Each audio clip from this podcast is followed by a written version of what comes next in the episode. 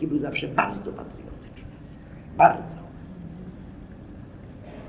I jak y, mogły, no, pod krynoliną czy pod spódnicą, y, wiesz, przewoziły czy to broń, czy to rannego, powiedzmy, powstańca w dawnych, w dawnych czasach, y, no już za moich czasów, bo nie wiem, czy wiecie, że ja jestem łączniczką 14-letniego Powstania Warszawskiego i potem byłam w obozie, tak. Co można udowodnić? I moim zdaniem nie ja e, jestem, że tak powiem, wiesz, znaczy e, bohaterką e, właśnie tą 14-letnią, ile moja matka, która już straciła podczas wojny męża. Mój ojciec zginął na początku 1943 roku w więzieniu. Zupełną, że tak powiem, wiesz, aprobatą mojego 21-letniego brata Jędrka, prawda, no, puściła, że tak powiem, zresztą był podchorążym, cały czas był w konspiracji, uczył się, zresztą mm, bardzo dobry chłopak. Ale i ja 14 i 13-letnia swoją córkę. Mhm. Bez słowa przeżył, prawda, żegnając i, i mhm. pokaż mi dzisiaj kobietę, która swoją 14-letnią córkę odda, że tak powiem, w Polsce na pożarcie. Bo ja, ja byłam łączniczką, już ja nie byłam E, e, harterką, która tam nosiła czy pocztę, czy coś, ja byłam normalnie w oddziale. Ja, ja nawet powiedziałabym więcej, że to, co Pani przed chwilą powiedziała, to się nadaje w ogóle na wstęp taki, wiesz, bo, tak? bo to są bardzo istotne, naj, naj, naj, najważniejsze słowa, które do tej pory już usłyszałam e, z tych wywiadów, które się mhm. przeprowadzały. Mhm. Bo właśnie to, to jest, tak jak Pani to powiedziała przed chwilą, ujęła. I, I, tak jak się mówi, że rola kobiet, one rzeczywiście zawsze były obecne, zawsze coś tam robiły, ale zawsze były w tym odwodzie takim, były na, tym, na tej drugiej linii. Tak. Ale tylko dlatego mężczyźni mogli być na pierwszym. No dokładnie, tak. Tylko dlatego. To jest nieuświadomione, wie Pani, bo chodzi o to, że, że no...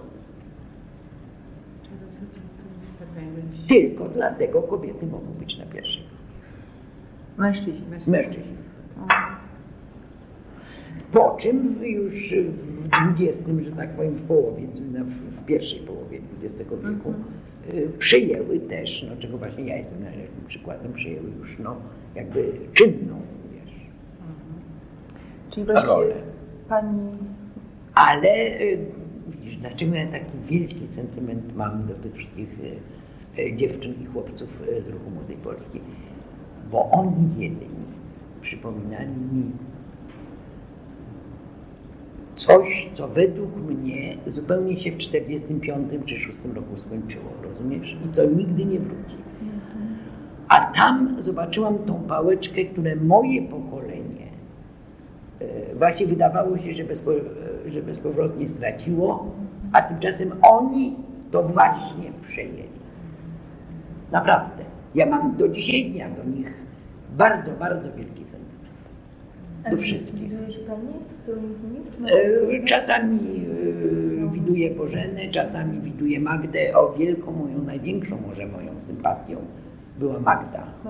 Modzelewska. Bożenę bardzo lubiłam.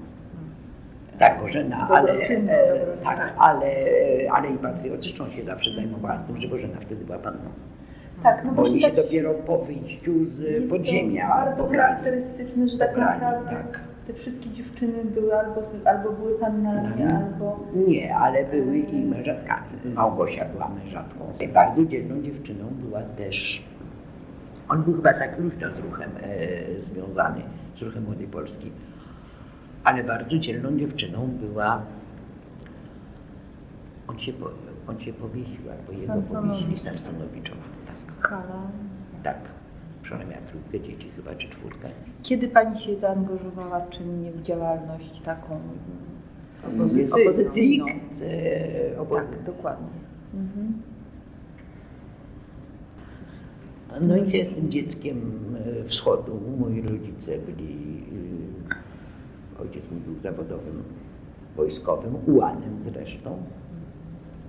Także prawie, że się urodziłem, wychowałam na stajni Końskiej. Moja mama jest ziemianką z Kresów, tych, które jeszcze były, y, znaczy po 20 roku były na samej granicy, ale w Polsce. Od wielu, wielu pokoleń, właściwie od zawsze, od y, wszyscy mężczyźni.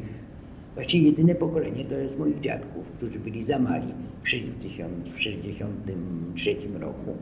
Mieli po parę lat, a już za starzy w 20 roku, żeby iść do wojska. Wszyscy, właściwie mężczyźni młodo, umierali moi czterej pradziadowie, wszyscy brali udział w powstaniu 63 roku, więc i przedtem, przedtem, przedtem jeszcze, więc to jakoś tak się było w powietrzu całego domu, było wysysane jak z, prawie że z mlekiem matki.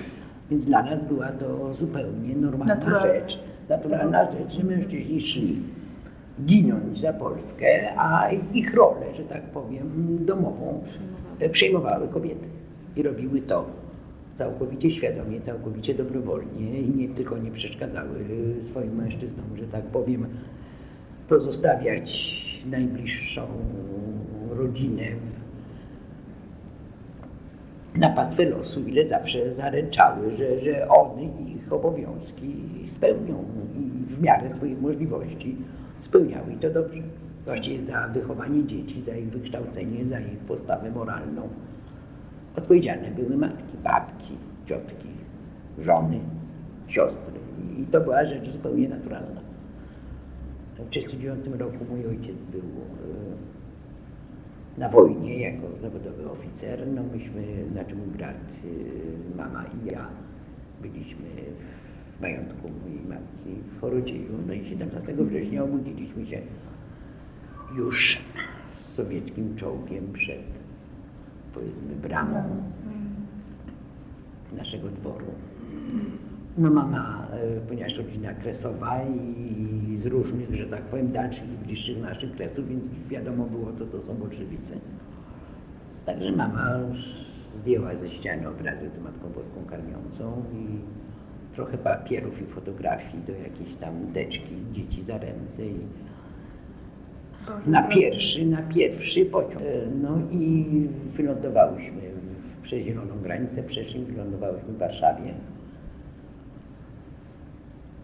No właściwie bez środków do życia, bez mieszkania, bez, bez wszystkiego. No ale ponieważ mój ojciec był z tych dalekich kresów, które już po 20 roku się musiały repatriować, że tak powiem, do centralnej Polski i godzina mojego ojca mieszkała Warszawie, mhm. no w Lubelskim, bo to różne były mariaże, prawda, wychodziło się za mąż, żeniło się tu, tam, gdzie.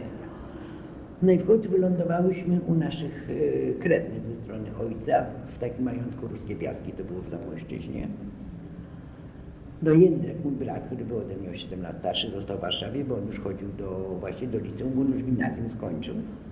Natomiast ja tam, mnie się tam zostawiało. Moja mama, no różnie trochę bywała w Piaskach ze mną, trochę była w Warszawie, no w końcu w jakiś sposób tam się mm, takie dwupokojowe mieszkanie z wielkim, wielkim bardzo takim, wiesz, mieszkaniem kilkunastopokojowym od frontu na pierwszym piętrze, prawda, podczas okupacji ci Państwo podzielili to na jakieś takie mniejsze, no i tam się mama wynajęła sobie te dwa pokoje dla nas.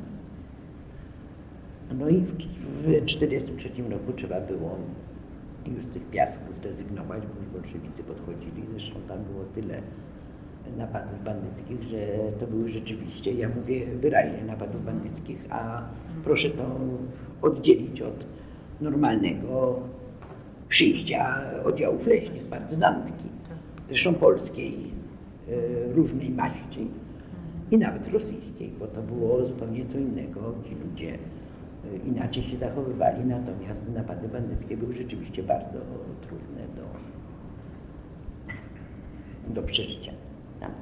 Mhm. No i poszłam na komplety, bo to już była pierwsza klasa gimnazjalna, bo do tej pory w tych piaskach to uczono mnie, e, wiesz, w domu. Tak, no właśnie tak. pan e, profesor Porawski, tam jeszcze inne, była taka pani Maria Kowalska, która też była wysiedlona chyba z Pomorza nauczycielka, więc to wszystko mnie uczyło ja tylko raz do roku jeździłam gdzieś tam do jakiejś szkoły podstawowej, gdzie egzaminowano mnie i wydawano świadectwo, że niby chodziłam do tej szkoły.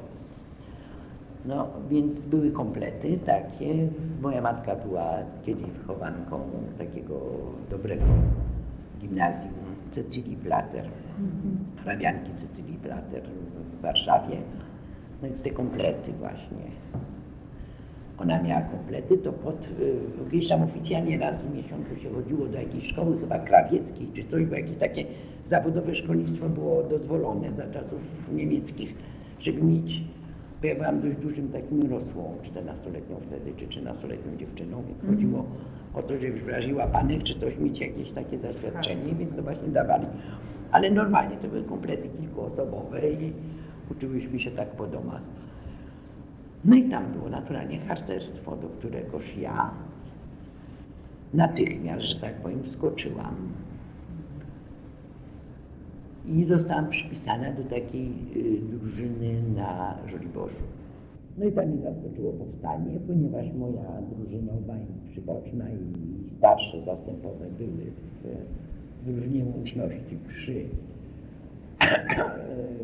dowódcy zgrupowania żywiciel, no więc ja tam się pięknie wkręciłam, mm. trochę kłamiąc, moja drużyna była bardzo zacna, wielka dla mnie, wielki autorytet moralny, odwróciła głowę i starała się zatkać uszu, bo ja tam trochę wiek swój podkręciłam, miałam chyba 14 lat, a powiedziałam, że 16.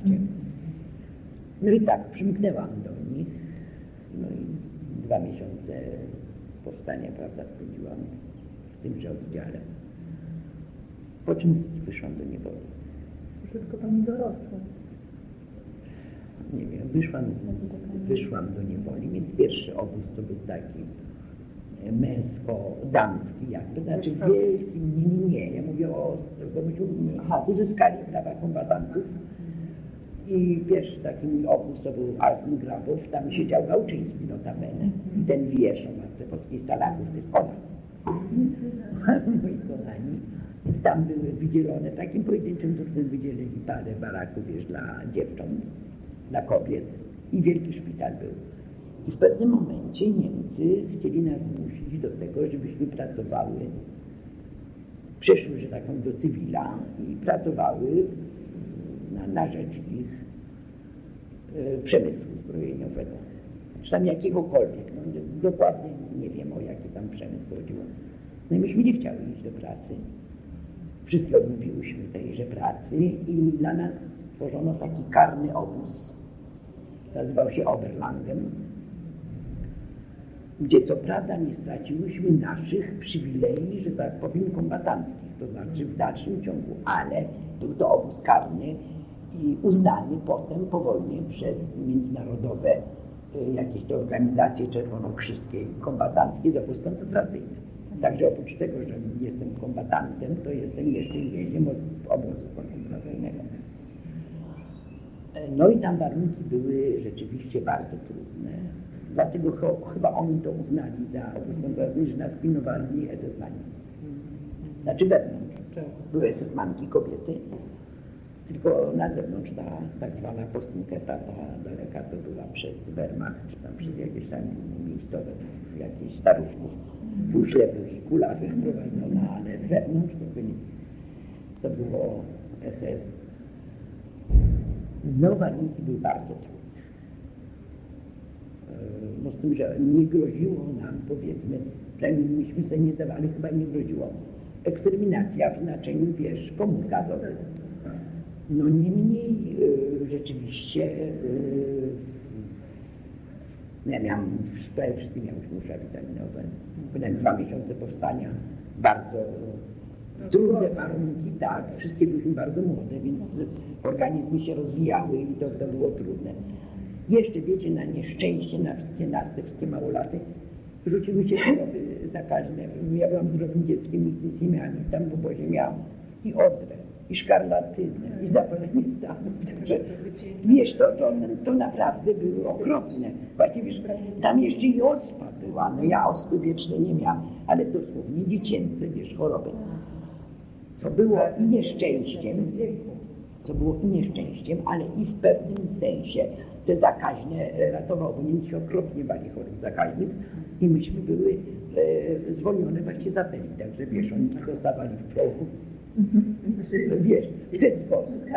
No bo przecież apele były zawsze bardzo trudne fizycznie do przeżycia. Te kilkugodzinne stanie, wiesz, bez względu na pogodę w tych obrzydliwych, w tych właśnie półnago.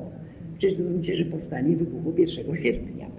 Rzadko która z nas mogła jeszcze iść do domu, żeby sobie cokolwiek, wiesz, na ten, e, bo, bo domy miałyśmy gdzie indziej. Więc myśmy były prawie gołe i bose. No, częściowo te pierwsze obozy niemieckie, te pierwsze obozy męskie, w których byłyśmy, zaopatrzyły nas e, ci mężczyźni w jakiś tam sposób swoje mundury, wiesz, czy tam swoją bieliznę, czy coś nam dawali. Ale to nie było ani tego dla wszystkich, ani wystarczająca nic. Jeszcze przecież było kilka koleżanek w ciąży i rodziły się tam dzieci, więc malusieńc, niemowlę, niemowlę, które miało dwie godziny życia, dostawało numerek niemiecki, też był zapisany na stan i też było jeńcem wojennym. I na podstawie, ale też śmieszne, bo na podstawie konwencji genewskiej, tam z któregoś tam roku, z pierwszej wojny światowej, o klaczach wziętych do niewoli. Że źrebie, które się poczęło, zostało zaźrebione wiesz, w tamtej, przez ogiera tamtej armii, należało do tamtej armii. Natomiast klacz wzięta do niewoli, armii zaźrebiona powiedzmy w niewoli, to jego źrebie było. Tego. Na szczęście nasze panie były w ciąży przed pójściem do niewoli. Wobec tego dzieci należały się nam. No, e, po tym, e, po odbiciu nas przez, e, przez jakby pierwszą dywizję od latów, pierwsza dywizja generała Marta. Więc po tym odbiciu mną zainteresowali się moi krewni z Londynu, myśląc, że to jest moja matka ponieważ moja mama miała na imię Michalina, ja Maria, mhm. ale tej Michaliny mało kto wiedział, zawsze była muszka, muszka. Mhm. Pewnym się wydawało, że to może być również spieszczenie od mamy. I tak przeczytali imię i nazwisko, to być pewnie, to jest moja matka. Nikt nie przypuszczał, że to jest ta mała, gruba dziewczynka, prawda, bo wtedy nie pamiętali. Na ogół jakoś do, dorosłym się wydaje, że te dzieci dalej pozostają takie, takie marusieńkie. No więc okazało się, ponieważ mój ojciec był ostatnio w dywizji wołyjskiej, y, znaczy nowogórskiej u generała Andersa. Więc zaraz koledzy z tej brygady mojego ojca, Ciebie, zapotrzebowali mamy do Włoch. No, a zjawiłam się ja, byli bardzo zdziwieni, nie bardzo było wiadomo, co ze mną zrobić. Ja miałam wtedy 15 lat. W żadnym wypadku nie mogłam być w armijskim wojsku. Bo tam trzeba było minimum do 18 lat. No a nie chciałam, zamawiali mnie, żebym, że się mną zaopiekują, prawda, poszłam do szkoły, ale żebym poszła do cywila, no a ja w dalszym ciągu nie chciałam, tak jak za czasów niemieckich, tak i tam.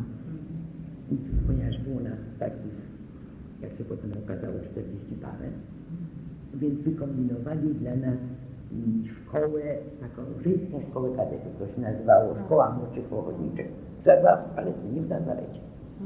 Była szkoła wojskowa, myśmy byli umundurowane, dostawaliśmy żołd i robiliśmy normalnie gimnazjum i liceum, zależy kto tam w jakim czasie był. Że na Zaka było 40 parę. Bo reszta to były dziewczęta z Rosji, które wyszły. Z Andersen, znaczy sieroty i półsieroty i dzieci, prawda, tamtych. No, no ale po czym się 1947 roku korpus w ogóle rozwiązywał, prawda, wojsko polskie przestało istnieć jako takie. Anglicy stworzyli jakieś takie dwa lata przejściowe, ten też nazywał Polski Korpus Rozmieszczenia, Przysposobienia Rozmieszczenia, coś takiego. I szkoła została ewakuowana do Anglii. No ja nie chciałam jechać do Anglii i wróciłam do Polski, do mamy. Po czym obdowiała moja ciotka siostra mojego ojca, z Gdańska, i ja się przyniosłam do cioci. Po czym jak przyszłam na emeryturę, moja matka to też do nas tutaj mhm. dobiła, no i stąd ja się w ogóle wzięłam w Gdańsku. I po śmierci tych obydwu pań i po wyjściu za mąż mojej córki Ja zostałam na tym wiesz, mieszkaniu sama i postanowiłam, no trochę chciałam pomóc Hani w, w tym stażu małżeńskim, no z własnej, własnej pensji, że nie miałam właśnie żadnego zawodu, po maturze. Wiesz, pracowałam sobie. Spokojnie, nie bardzo, nie bardzo dobrze zarabiając. I postanowiłam wynająć jeden pokój. I zwróciłam się do y, takiego katechety akademickiego, ojca Sroki, hmm. czy nie ma kogoś. I na drugi dzień zjawiło się młode małżeństwo. Byli to Aramowie Rybiccy. Hmm. Aram z Małgosią, którzy hmm. po ślubie, parę dni po ślubie, i zamieszkali u mnie w tym pokoju. Nie był do wynajęcia. I po bardzo niedługim czasie y, zaczęli do nich przychodzić, bywać y, różni y, koledzy koleżanki. To na razie wszystko miało być, znaczy było tak tylko towarzysko. No ale ja często się z nimi widywałam jeszcze w kuchni czy, czy, czy w przedpokoju, otwierałam czasami drzwi i wydało, wydawało mi się to środowisko no, wyjątkowo jakoś kulturalne, wyjątkowo inteligenckie. Ci, ci, ci wiesz, yy, ci chłopcy i te dziewczęta umieli się przywitać, umieli, wiesz, zapytać o kogo chodzi, przedstawiali się, czego prawie nigdy nie było, wiesz, bo przedstawiali się imieniem i nazwiskiem. No w każdym razie ja stwierdziłam, że to jacyś przyzwoici młodzi ludzie i zaczęłam tak na nich życzliwym okiem patrzeć i zaczęliśmy się dogadywać. I w pewnym momencie, właśnie po paru tygodniach, e, Aram zapytał, czy mogliby tutaj spotykać się, bo my się tam kształcimy, my się douczamy, bo ta nasza historia, to nie mówią tak, tak, bardzo nieprawdziwa. A czy może, więc ja miałam doktora Ziwago, którego im pożyczyłam, bo gdzieś tam jakoś tam kiedyś przez y, kuzynów warszawskich dostałam go, oni im jakąś kulturę paryską, ja im też parę kultur starych paryskich, które miałam. No i bardzo szybko okazało się, że, że oni tworzą taką bardzo zżytą, ale bardzo taką, to nie tylko jest uczenie się historii prawdziwej, ale to jest już najwyraźniej grupa. Potem był zaraz 76 y, rok, zjawił się Bogdan Borysewicz jak zaczął przemykać, to tak, ten wyraźnie jak konspiratora wyglądał. No i zaczęliśmy sobie mówić y, dużo rzeczy. Doszliśmy do przekonania właśnie, ja doszłam do przekonania, że to jest właśnie te powiedzmy ten, te następne moje pokolenie, które powiedzmy bardzo podobnie myśli, to byli ludzie wierzący, praktykujący, katolicy, Więc, że to jest to. Oni zaczęli mnie zapraszać na, na różne spotkania. Ja tam wtedy bywałam Kuroniu, i na Maciarewiczu, i na powiedzmy Leszku Moczulskim. No i już zaczęliśmy szczerze rozmawiać. Pierwsze chyba jakieś takie powielaczowe ich pisemka były z kolei na takim ręcznym powielaczu jeszcze spirytusowym robione w domu mojej córki i mojego zięcia, bo oni wyjechali na wakacje i ja pilnowałam tego ich mieszkania. Ono było zupełnie puste. No i tam to robiliśmy, jak dziś pamiętam e, właśnie stamtąd i twojego męża i tego chyba wtedy pierwszy raz Mirka Rybickiego poznałam, tak. Był zupełnie młody. Ja nie wiem, czy on jeszcze wtedy nie był w szkole świetnej. Może już nie. Może już nie, ale, ale oni dla mnie wszyscy byli bardzo. Więc bezwzględnie, największe na mnie, no najbardziej byłam zaprzyjaźniona z Aramami, no to zupełnie zrozumiałe, bo to byli moi domownicy. Ale bezwzględnie z dziewcząt największe wrażenie na mnie zrobiła Magda Modeletta. Bardzo była miła i bardzo taka bliska mojemu, że tak powiem, sercu i tym właśnie wzorcom. Magda była naprawdę uosobieniem nie mojego pokolenia, może nawet nie pokolenia mojej matki, ale pokolenia mojej To była typowa dziewczyna właśnie e, z powstania styczniowego z dworku szlacheckiego. Tak się zachowywała, taki miała styl bycia i trochę tak rozumowała. Bożena Rybicka była już znacznie bardziej, e, że tak powiem, współczesna, znacznie bardziej energiczna. No a z mężczyzn to dużo mówić halo. Tym, że wydawało mi się, że najbardziej wszechstronny i może najbliższy mnie rodzajem inteligencji był yy, Darek Kowski. Naprawdę. On był bardzo ciekawy, słuchaj. I z Darkiem ja często rozmawiałam na bardziej ogólne tematy, a nie tylko stricte, wiesz, no, społeczno-polityczne. Rozumiesz? Mnie przede wszystkim ta literka wiedza ogólna. Ogólna, tak. Tak bardzo imponowała. Tak. Jak on mi opowiadał rzeczy, wie Pani, w ogóle on mówi, że znajomość pamięć niesłychana. Wiesz, jakieś książki Naprawdę. gdzieś tam i on mi mówi jakiś fragment albo coś. On tą wiedzę miał tak głęboką. Widzisz, i dla mnie trochę, oni wszyscy, właśnie Mozart może za wyjątkiem Darka, trochę byli zanadto po staroświecku-endeccy.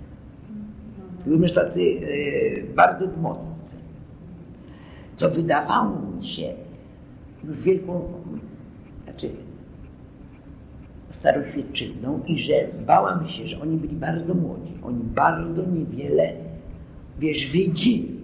Oni jednak byli, no co tu dużo mówić, historycznie niedouczeni. Właśnie byli samoukami historycznymi. I bałam się, że oni bardzo dosłownie będą tą narodową demokrację wcielać jednak w zupełnie inne społeczeństwo.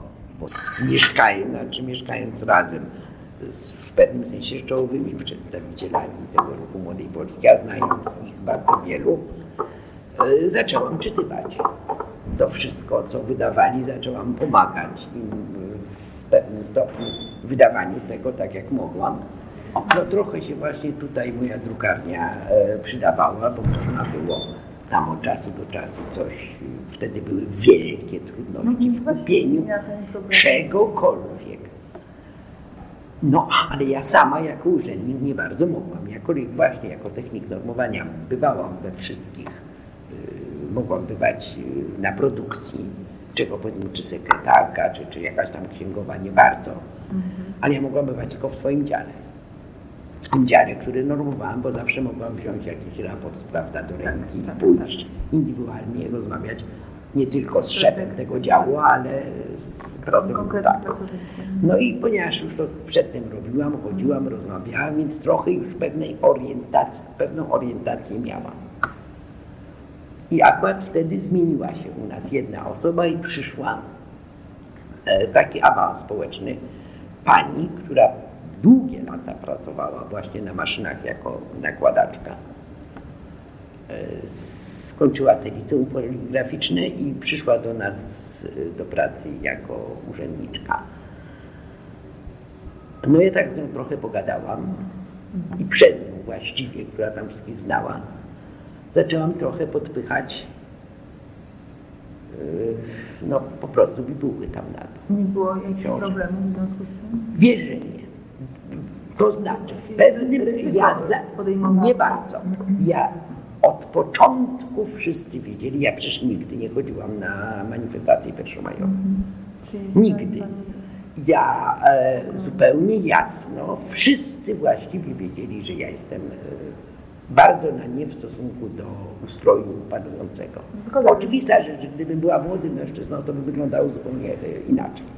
Ale ja byłam już w tej chwili w średnim, w tamtym, w średnim wieku babą. I znaczy o powiązaniach moich, czy, czy z ruchem Młodej Polski, czy, czy, czy z Korem, znaczy poprzez Borusewicza, mowy nie było o tym, nikt nie wiedział. Natomiast widzieli, że ja mam dostęp powiedzmy do zagranicznych książek, do, do właśnie kultury, do, bo ja od tego ja zaczęłam od książek. Ale jeżeli Pani coś tam Od Sołżenicyna. Proszę. Widzieli, co Pani e, podsuwa. E, ale, ale nie wszyscy. Naturalnie nie wszyscy. Bo pośrednio oni też ponosili w takim właśnie e, No i jak się z nimi już tak trochę właśnie lepiej poznałam, zaprzyjaźniłam troszeczkę, no to zaczęłam powiedzmy a to prosić o słoik farby, a to prosić o słoik kleju, a to a to parę jakieś tam... Nie zadawali, nie zadawali pytań? Wiedzieli, nie, nie zadawali pytań. Nie zadawali pytań. No to tak. Nie zadawali pytań. Rządy. I porządne, i nie. To znaczy u nas naprawdę w tym okresie chyba donosicielstwa nie było. Chyba takich wtyk, wiesz, typowo e, esbeckie, to się właściwie pojawiły dopiero e, po e, wprowadzeniu stanu wojennego. I to wtedy bardzo szybko. Dobrze. No i powiem szczerze, że raczej zainteresowani byli mężczyźni. Kobiety mniej, ale były. Taką współpracą. To znaczy nie tyle może współpracą, ile czytały. Chciały czytać, chciały zorientować. No ja za każdym razem mówiłam, że trzeba czytać i Trybunę Ludu, która była dostarczona za darmo, a trzeba słuchać Radia Wolna Europa i wtedy sobie pięknie wszystko wypośrodkują. Ja się zorientowałam, że tam jest dość dużo osób, o których skończyli, znaczy dość dużo, no. To było 10-15%, może, że to, to, to, to nie było 90%. Dość dużo ludzi dość dobrze w, w jakiej takiej polityce, no powiedzmy, w sytuacji, może nie tyle polityce, w sytuacji orientującej się. No potem, aha, przed tym jeszcze, przepraszam, był rok 70. Zanim ja poznałam Młodej Polski, to był rok 70. I w, część pracowników drukarni, o czym się dowiedziałam później, bo ja wtedy mam stosunkowo świeżym pracownikiem, odmówiła drukowania tych wstrętnych ulotek, które oni tutaj drukowali. Część drukowała, częściowo było to jednak u nas drukowane, jak się potem okazało, ale część odmówiła. I co dziwne, bo odmówili właśnie linotypiści to partyjni.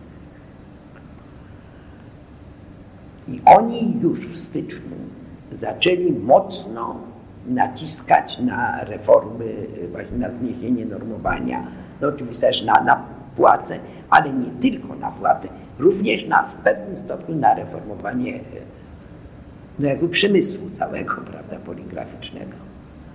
No i z nimi się bardzo szybko e, rozstano. Z tym, że co dziwne, ci ludzie poszli w zasadzie do lepszych prac. To byli naprawdę bardzo dobrzy fachowcy, to prawda. Ich przede wszystkim przyjął, e, przyjęły zakłady prasowe, które za... Właśnie. Nie mieli jakiegoś wilczego grena, Nie mieli wilczego grena. Natomiast jeżeli chodzi o kobiety, to tych było kilka bardzo zaważnych. Ja muszę powiedzieć jedną rzecz. Więc w, na samym początku strajków, kiedy jeszcze nasze zakłady nie strajkowały, bo zakłady graficzne dopiero chyba piątego dnia przystąpiły do, w 80 roku do, do strajku. Wcale nie było łatwo ich zmobilizować. To Alina chyba Pienkowska zwróciła się do mnie, czy, znaczy Bogdan Borusewicz przez nią zwróciła się do mnie, czy ja nie mam drukarza do Gdyni, bo tam koło nie bardzo mógł sobie oni tam rozbili, ci wszyscy drukarze z tej drukarni Komuny Paryskiej, Stoczni Komuny Paryskiej uciekli i że tam by można było, ta drukarnia stoi pusta i tam by można było zacząć e, coś wydawać. No ja wtedy pojechałam do domu, to była niedziela. Wiedzeniem, który to był dzień strajku. To była niedziela, pierwsza niedziela. Ja po prostu pojechałam do właśnie swojego maszynisty, pana Sabatowskiego, e, którego jego znałam, ale nie znałam w ogóle jej, e, jego rodziny. I on był takim no, najwierniejszym, że tak powiem, on naprawdę nienawidził komponę. I, I też tego nie ukrywa. Ale ponieważ był dobrym fachowcem, więc też mu to jakoś tam uchodziło. I zastałam tych Państwa, e, spotkaliśmy się przed ich mieszkaniem, e, oni wrócili, wracali, wrócili z kościoła z żoną. Ja się zorientowałam, tam jest żona i trójka dzieci takich już podrostków, ale w każdym razie jeszcze dzieci. I powiedziałam sobie, że jednak uczciwie będzie jej też powiedzieć. Tak mi się wydawało. No i powiedziałam o co chodzi. On miał akurat urlop, bo on był po sanatorium i jeszcze miał tam dni urlopu. Czy by nie pojechał? Więc on tak trochę natążony. Jak dziś pamiętam tą sabatowską, która wstała i spytała się, Zygmunt, co ci mam przyszykować? To byli zupełnie prości robotnicy. I jednak, znaczy ja się takiej reakcji spodziewałam e, w inteligencji. Natomiast i to mnie tak niesłychanie ujęło, i to był właściwie moment, kiedy ja rzeczywiście poczułam, że, że im się dzieje straszliwa w tym ich ustroju, właściwie straszliwa krzywda i że oni absolutnie zasługują na, na pełną pomoc i pełne poparcie. Bo ja na początku raczej podchodziłam jako do powiedzmy ruchu wiesz, społecznego, jako do ruchu. Ja, ja nigdy ze związkami zawodowymi nie miałam nic do czynienia i, i nie bardzo się tam pcham, czy to jakieś chamy siedziały, prawda, z nogami na stole, z założonymi. Ja unikam, ja nie korzystałam. Znaczy tylko dlatego byłam członkiem związków zawodowych, bo to jedyna organizacja, do której należałam, że od tego była uzależniona kasa e, zapomogowo-pożyczkowa, więc no a, a, a mnie samej było bardzo trudno, więc musiałam korzystać bardzo często z tej z, tej kasy, więc też nie należałam do tych związków. Ale właściwie związki, nic o związkach, prawdę mówiąc, nie wiedziałam. I właśnie stanowisko pań, państwa sabatowskich, ale przede wszystkim pani Sabatowskiej, która też była robotnicą prostu, zaważyło na tym, że ja się poczułam w jakiś sposób niesłychanie z nimi zintegrowana i uważałam, że wszystko powinnam dla nich zrobić, żeby, żeby ich ten związek zawodowy, prawda, który jest ich jedyną obroną, był związkiem uczciwym, przyzwoitym i, i autentycznym związkiem zawodowym opiekującym się swoimi członkami. Także na, naprawdę właściwie tak do Solidarności jako do Związku Zawodowego przekonała mnie pani Sabatowska, jej postawa. Bez słowa. Interesuje mnie też jak Pani ocenia rolę e, kobiet właśnie w tych rodzinach? Czy, on, czy to była taka rola dopełniająca, czy one jednocześnie... Oj, nie tylko, bardzo często była to...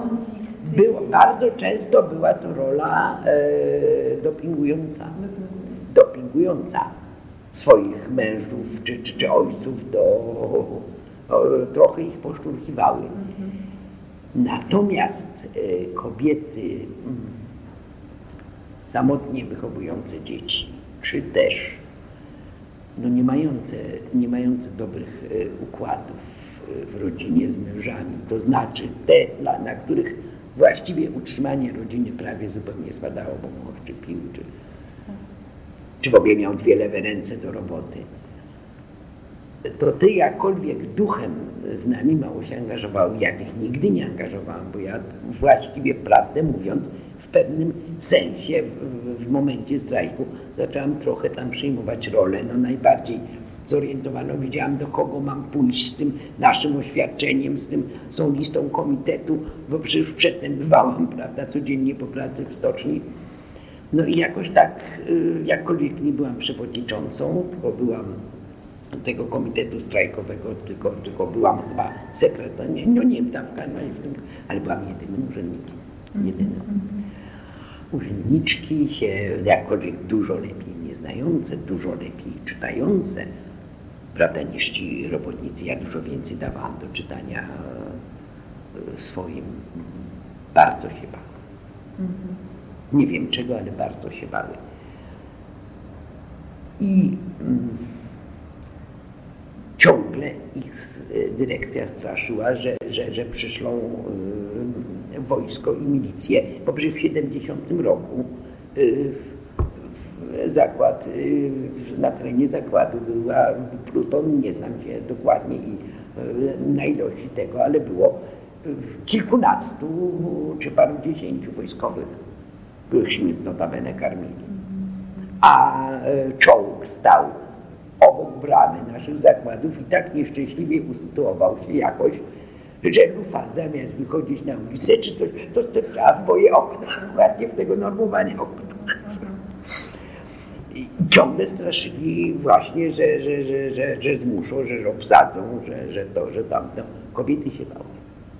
To znaczy, no, strajk się załamywał właśnie w tych działach e, kobiecych. Ale myśli Pani, że one się bały dla, dlaczego? Bały się dlatego, że miały rodziny, dzieci? Bały się tak. Że będą jakieś represje? W przeciwieństwie do mnie, która się zupełnie nigdy z tym nie zetknęłam, e, one się bały, e, że stracą pracę. Mhm. Nie tyle, że stracą życie, ile, że stracą pracę. Ale już jak się w końcu e, mężczyźni zdecydowali na strajk, a one były wtedy zupełnie bezradne, bo bo bez, po prostu bardzo dzielnie się zawsze zachowywały te takie nietypowo drukarskie e, działy. To znaczy dział elektryczny i dział elektryka i dział mechanika. To byli ludzie nie tak bardzo związani. Oni byli mechanikami, oni byli elektrykami i ewentualnie, bo drukarz, powiedzmy linotypista czy, czy zecer, wyrzucony z drukarni, e, tak, nie, nie bardzo kim miał być.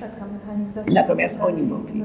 Więc to był właściwie taki zawsze najpewniejszy, yy, najpewniejszy wydział, na który zawsze można było liczyć i zachowywali się bardzo, bardzo dzielnie. Bardzo dzielnie się zachowywały żony stoczniowców. Też bardzo popierały. Było kilka pań. Zdeterminowanie. I im dłużej to trwało, tym zdeterminowanie było większe. Ale powiedzmy, te kobiety, które bardzo nie chciały strajkować, z chwilą kiedyśmy już zastrajkowali, to tym chłopakom siedzącym, prawda, na płotach y, gotowały jedzenie, przynosiły i pomagały. Z tym, że szły do domu.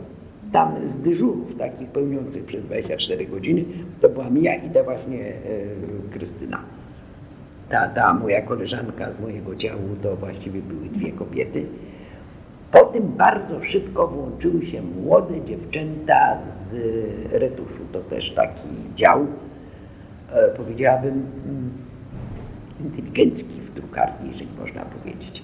To były prawie wszystko dziewczyny po technikum, nie tylko po szkole zasadniczej, ale po technikum. One wszystkie kończyły technikum poligraficzne.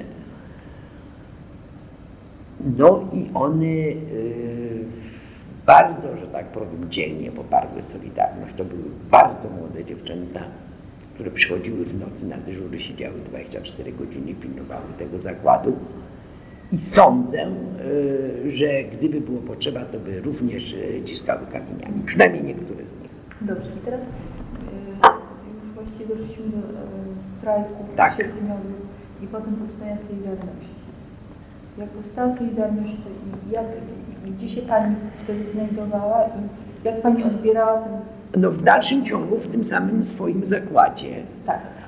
Z tym, e, że u nas to, to wszystko poszło bardzo gładko, natomiast zaczęły być problemy z innymi drukarniami. Tutaj była e, spółdzielnia Nowator, z którą ja zupełnie nie miałam kontaktu, ale gdzie Solidarność sama powstała, ale była, były zakłady prasowe, te gdzie było trochę, bo, bo właśnie tam część y, ludzi o, przedtem z moich zakładów przeszła, to w ogóle te dwa zakłady, zakłady graficzne na Świętojańskiej i te zakłady prasowe, które tam były, jaki ten targ, no przy tym, przy, y, przy sowieckim, y, na targu węglowym. Kiedyś to, to był wspólny zakład, ale to nie za moich czasów, ja tam jeszcze nie pracowałam. Oni się wszyscy dobrze znali, oni byli spokrewnieni z sobą, bo tu pracował mąż, tu żona, tu, tu odwrotnie, tu matka, tu, tu syn. No i tam trzeba było tych ludzi tam podeprzeć. I ja wtedy y, poszłam tam z którymi z moich drukarzy, nie pamiętam dokładnie z kim. No i zrobiliśmy taki wiec, z tym, że ja y, najpierw poszłam do ich dyrektora i powiedziałam, że w czasie zmian. Tamte zmiany są inne, bo oni zupełnie inaczej pracują. Także to tam się długo, bo trzeba było czekać na tych, którzy przychodzą na tą nocną zmianę. Ta nocna zmiana się u nich zaczyna u niektórych o 5 po południu, niektórych o 9 wieczorem, więc to, to dość długo trwało. No i jakoś się tam zaczęliśmy dogadywać, nich bardzo szybko powstał. Z tym, że oni byli, tam poszło bardzo łatwo Oni byli przyzwyczajeni, oni zawsze patrzyli na te wszystkie demonstracje, które się odbywały przy Sobieskim. I oni również dużo lepiej pamiętali i dużo więcej widzieli z 70 roku. Wiesz, bo też to się tam, tam działo, także oni tak. I powiedziałabym, że tam nastrój prosolidarnościowy był nawet lepszy niż w moim zakładzie.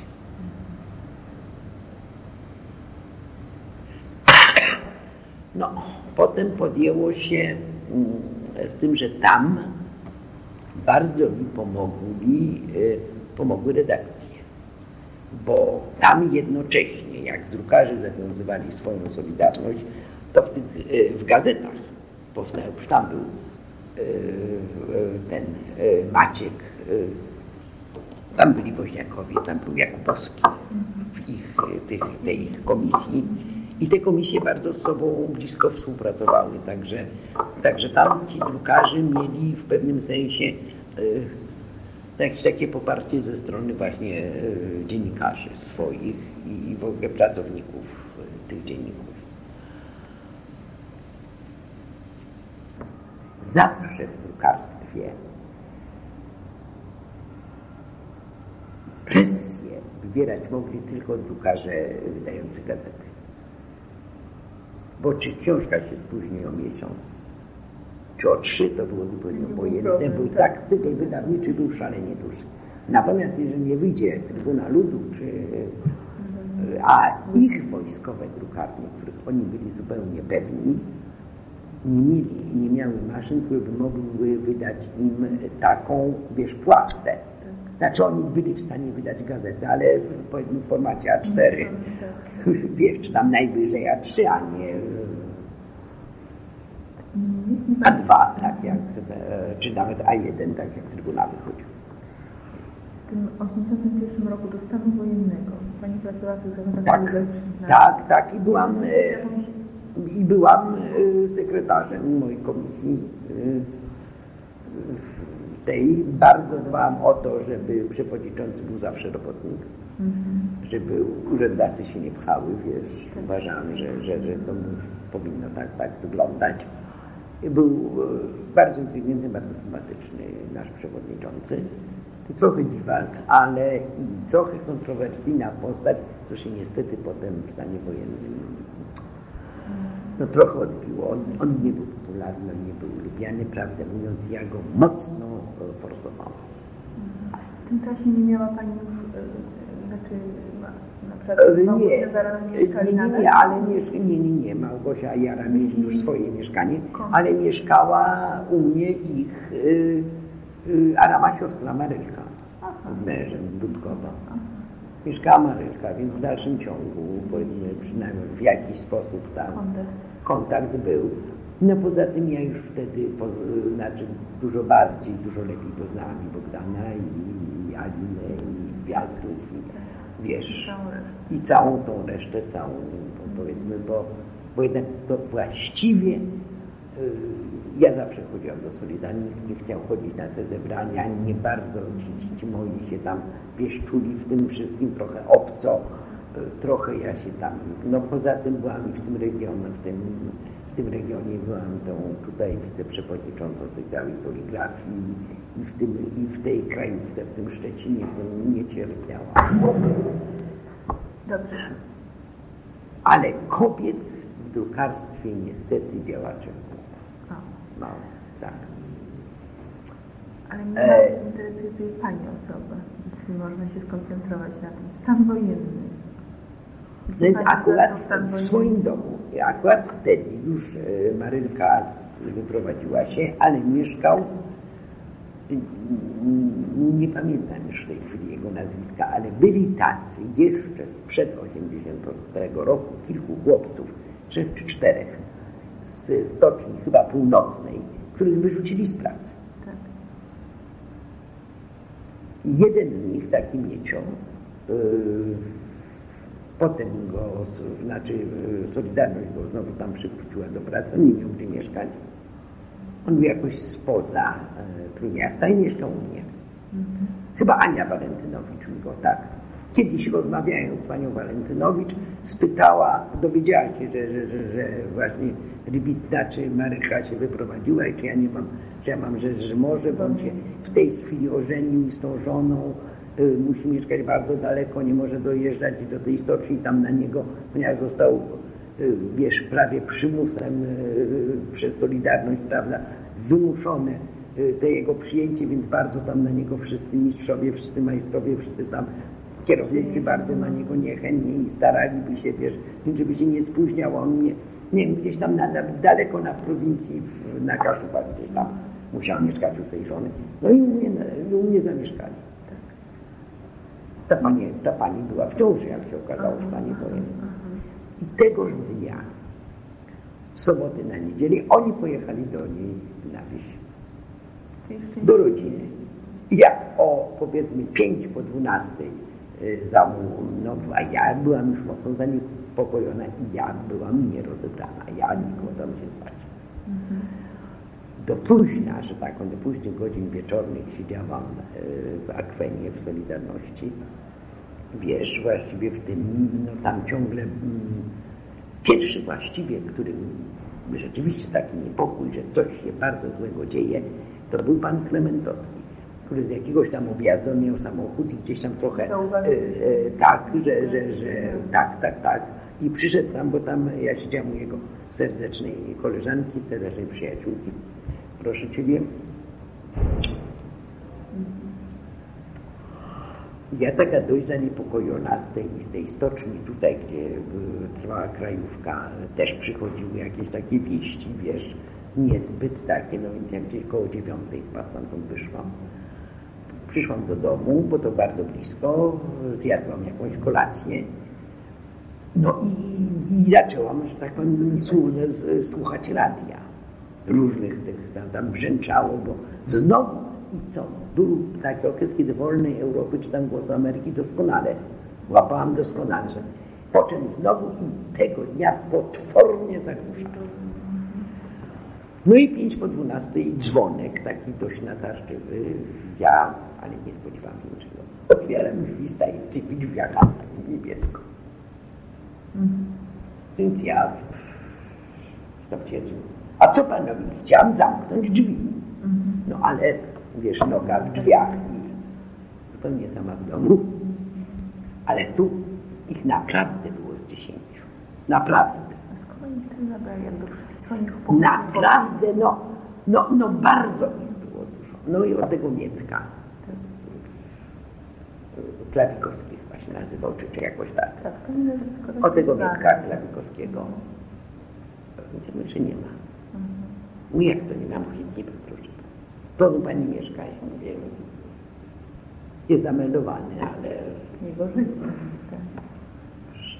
Młody człowiek, tak. czasami jest, czasami go nie ma. Nie ma gdzie jest, ja nie mam pojęcia, gdzie jest, wszystko wiemy ani nie podglądał swoich lokatorów, ani nie wypytuje wszystkich. To było dziecko mnie zostawione pod opieką, to mnie interesowała, dlaczego nie wraca na noc i gdzie jest. Znaczy, przyszedł dorosły człowiek, żonaty. A gdzie mieszka jego żona? Ja mówię, pojęcia nie mam, proszę. Bo ona nie był u mnie, tylko on był u mnie zameldowany. To mówię, pojęcia nie mam, proszę pani. Ja tą panią widziałam może raz, może dwa razy w życiu. Pojęcia nie mam, nawet bym jej nie poznała. I oni wyszli ja zacząłem się ubierać, żeby, żeby wyjść, wiesz, na mnie, do, do, do tej Solidarności, to to się w ogóle dzieje. I w tym momencie następny dzwonek. Ja nie przypuszczam, że to. Wiesz, bo upłynęło jakieś 10 minut, była takie tak, tupanie, tak, wiesz. Tak, Wyjrzałam, co prawda, bo ja pierwszy raz nawet nie spojrzałam w wiesz, wiesz, spojrzałam i nikogo nie widzę. Po czym spojrzałam, widzę babę. Drugi raz, wiesz, widzę babę, drugi raz dzwonek i widzę babę. W jakim kożuchu, zupełnie znajomą, ale naprawdę myślałam, że może ktoś, wiesz, przysłany, czy przez Bogdana, czy przez tą tak. Joannę, wiesz, Wojciechowi, czy coś mi chce pokazać, więc też otwieram, wiesz. I następnie nie przepraszam, ale musimy sprawdzić jego mieszkanie, czego naprawdę nie ma. Mhm. I mówię, dobrze, a niech pan, pan nie ma nakazu proszę mi powiedzieć, i on, ja zrozumiałam, że o, może on powiedział, że, e, że ten stan, e, może mi powiedział, że, że jest ogłoszony stan wojenny, no, tylko, nie było tylko nie był, to było po 12, już był. Już był. Było I on mi wtedy pokazał, słuchaj, i on mi wtedy pokazał jakiś papier, a to był druk jakiś. Z 12 na 13? Tak. No przecież ogłoszony było 6 rano. Nie, o 12 po 12. Oni już mieli, on mi pokazał jakiś papier, ja tylko przeczytałam nazwisko tego Mietka i że ma być doprowadzony do dokumentu.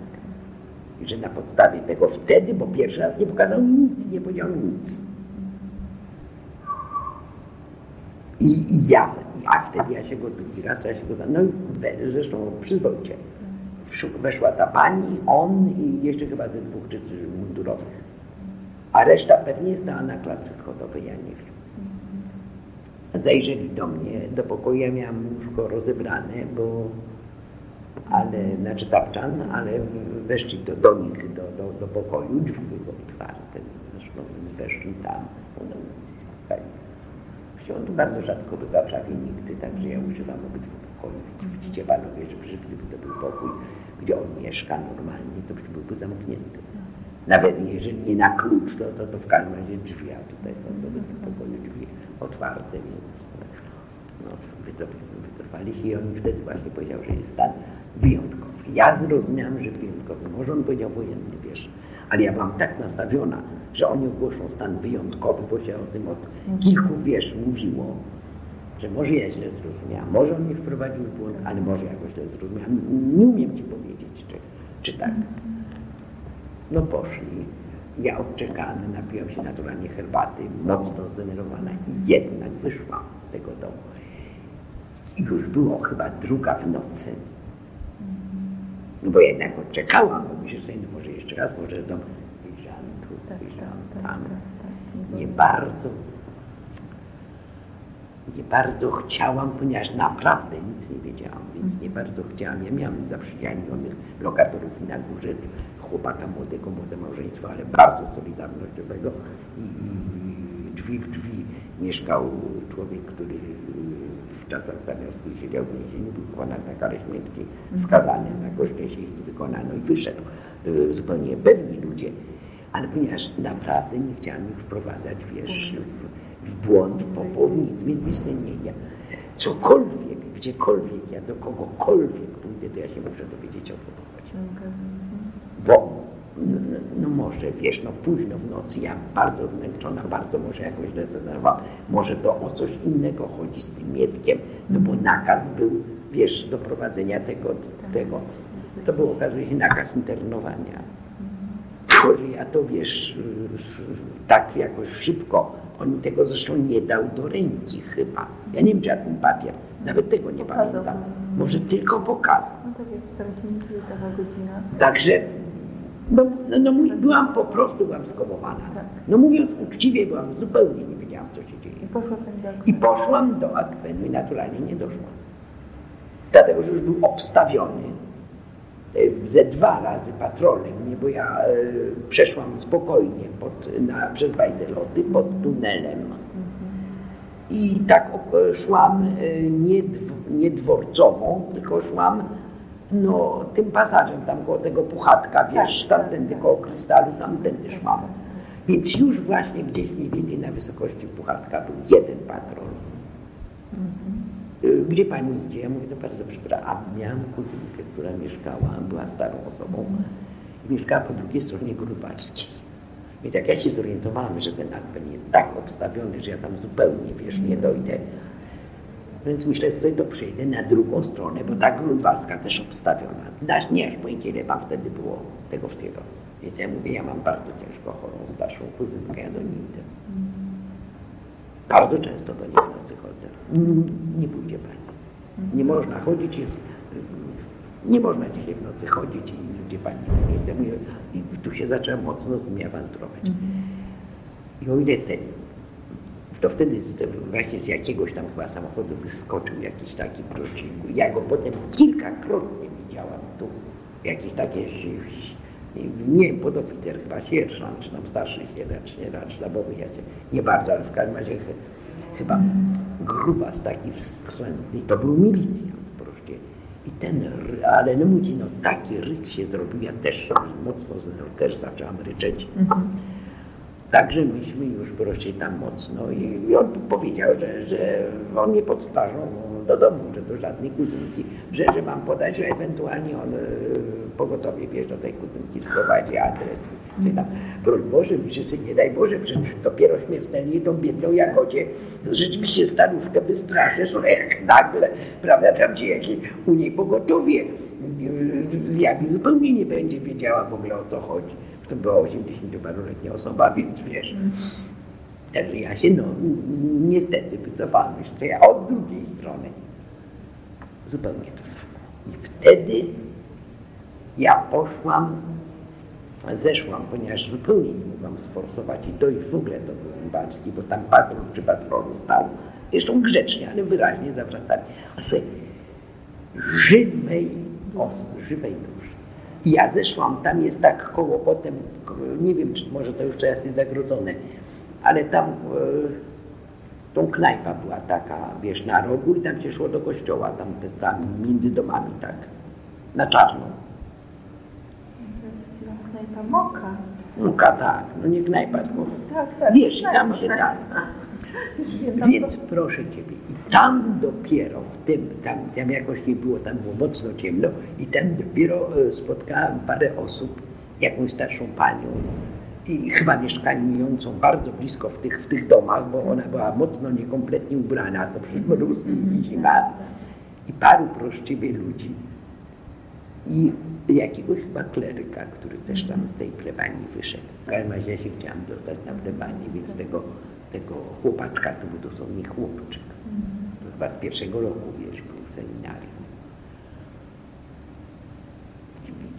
Czy coś w ogóle mówi, no, no, no chciałam się jednego. Proszę Pani mówi, nic nie wiemy, wszyscy, wszyscy siedzą, wszyscy słuchają racji. Ale on mnie nie chciał tam puścić. Ale powiedział, że, że, że absolutnie nic nie wie.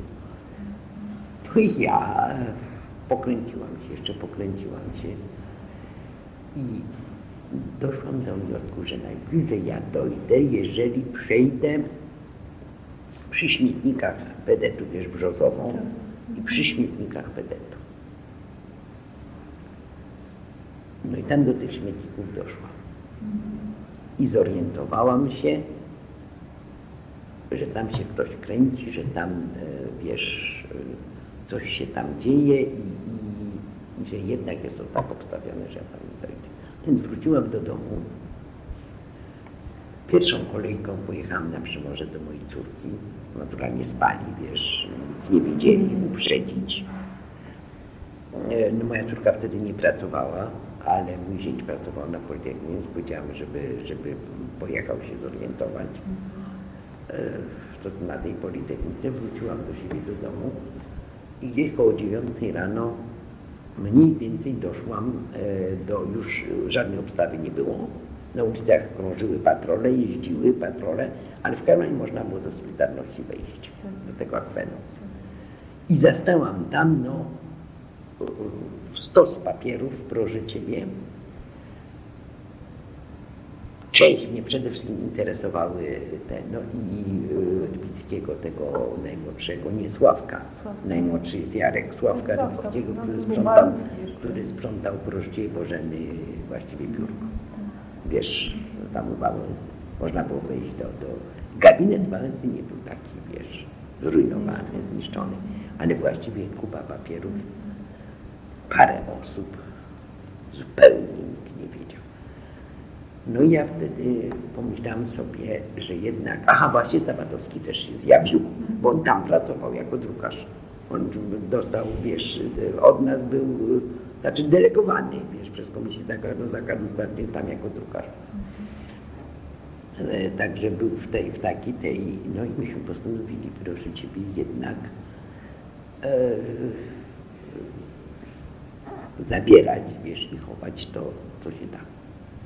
I ktoś, nie, wiem, czy jeszcze tam parę osób się z tej drukarni znalazło. Nie mam pojęcia, ktoś przyprowadził jakiegoś pana, jakiegoś człowieka, mniej więcej w moim wieku, można starszego ode mnie, który powiedział, że on ma dom jednorodzinny gdzieś tam na nie na Oruni, tylko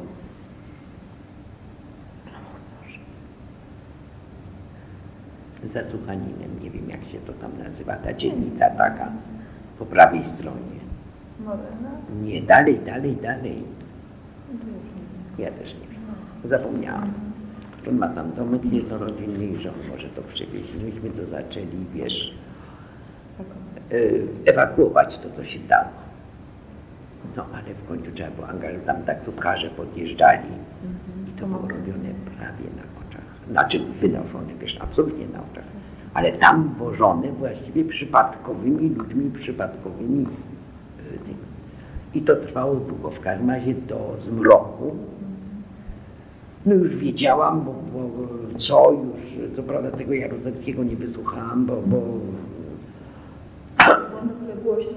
e, ale w każdym razie już wiadomo było, że sprowadzili stan.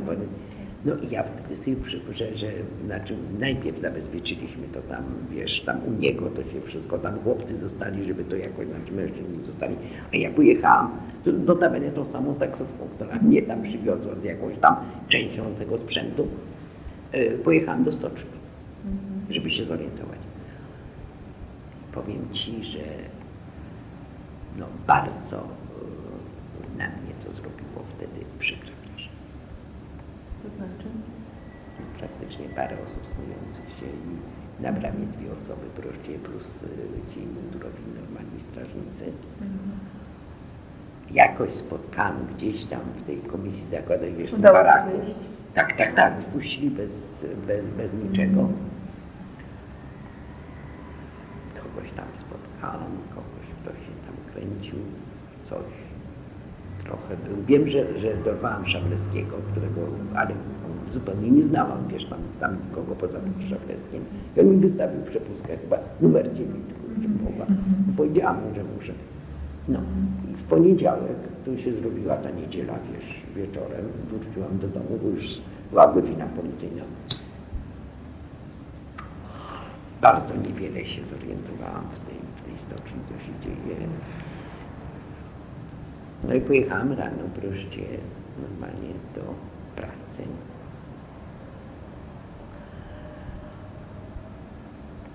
Zrobiliśmy zebranie komisji zakładowej, na które wszedł dyrektor z, z całą tam organizacją. Powiedział, że związki są zawieszone. Mhm, że nie można się spotykać, że trzeba zdjąć tą tablicę Solidarności i że jeżeli my będziemy strajkować, to on będzie musiał, znaczy kazali mu, kazali mu wojsko, znaczy wiesz, obstawy, więc e, zostawił nas na 5 minut, żebyśmy wyszedł, to trzeba mu przyznać, wiesz, wyszedł, żeby żebyśmy podjęli, e, że tak powiem, decyzję.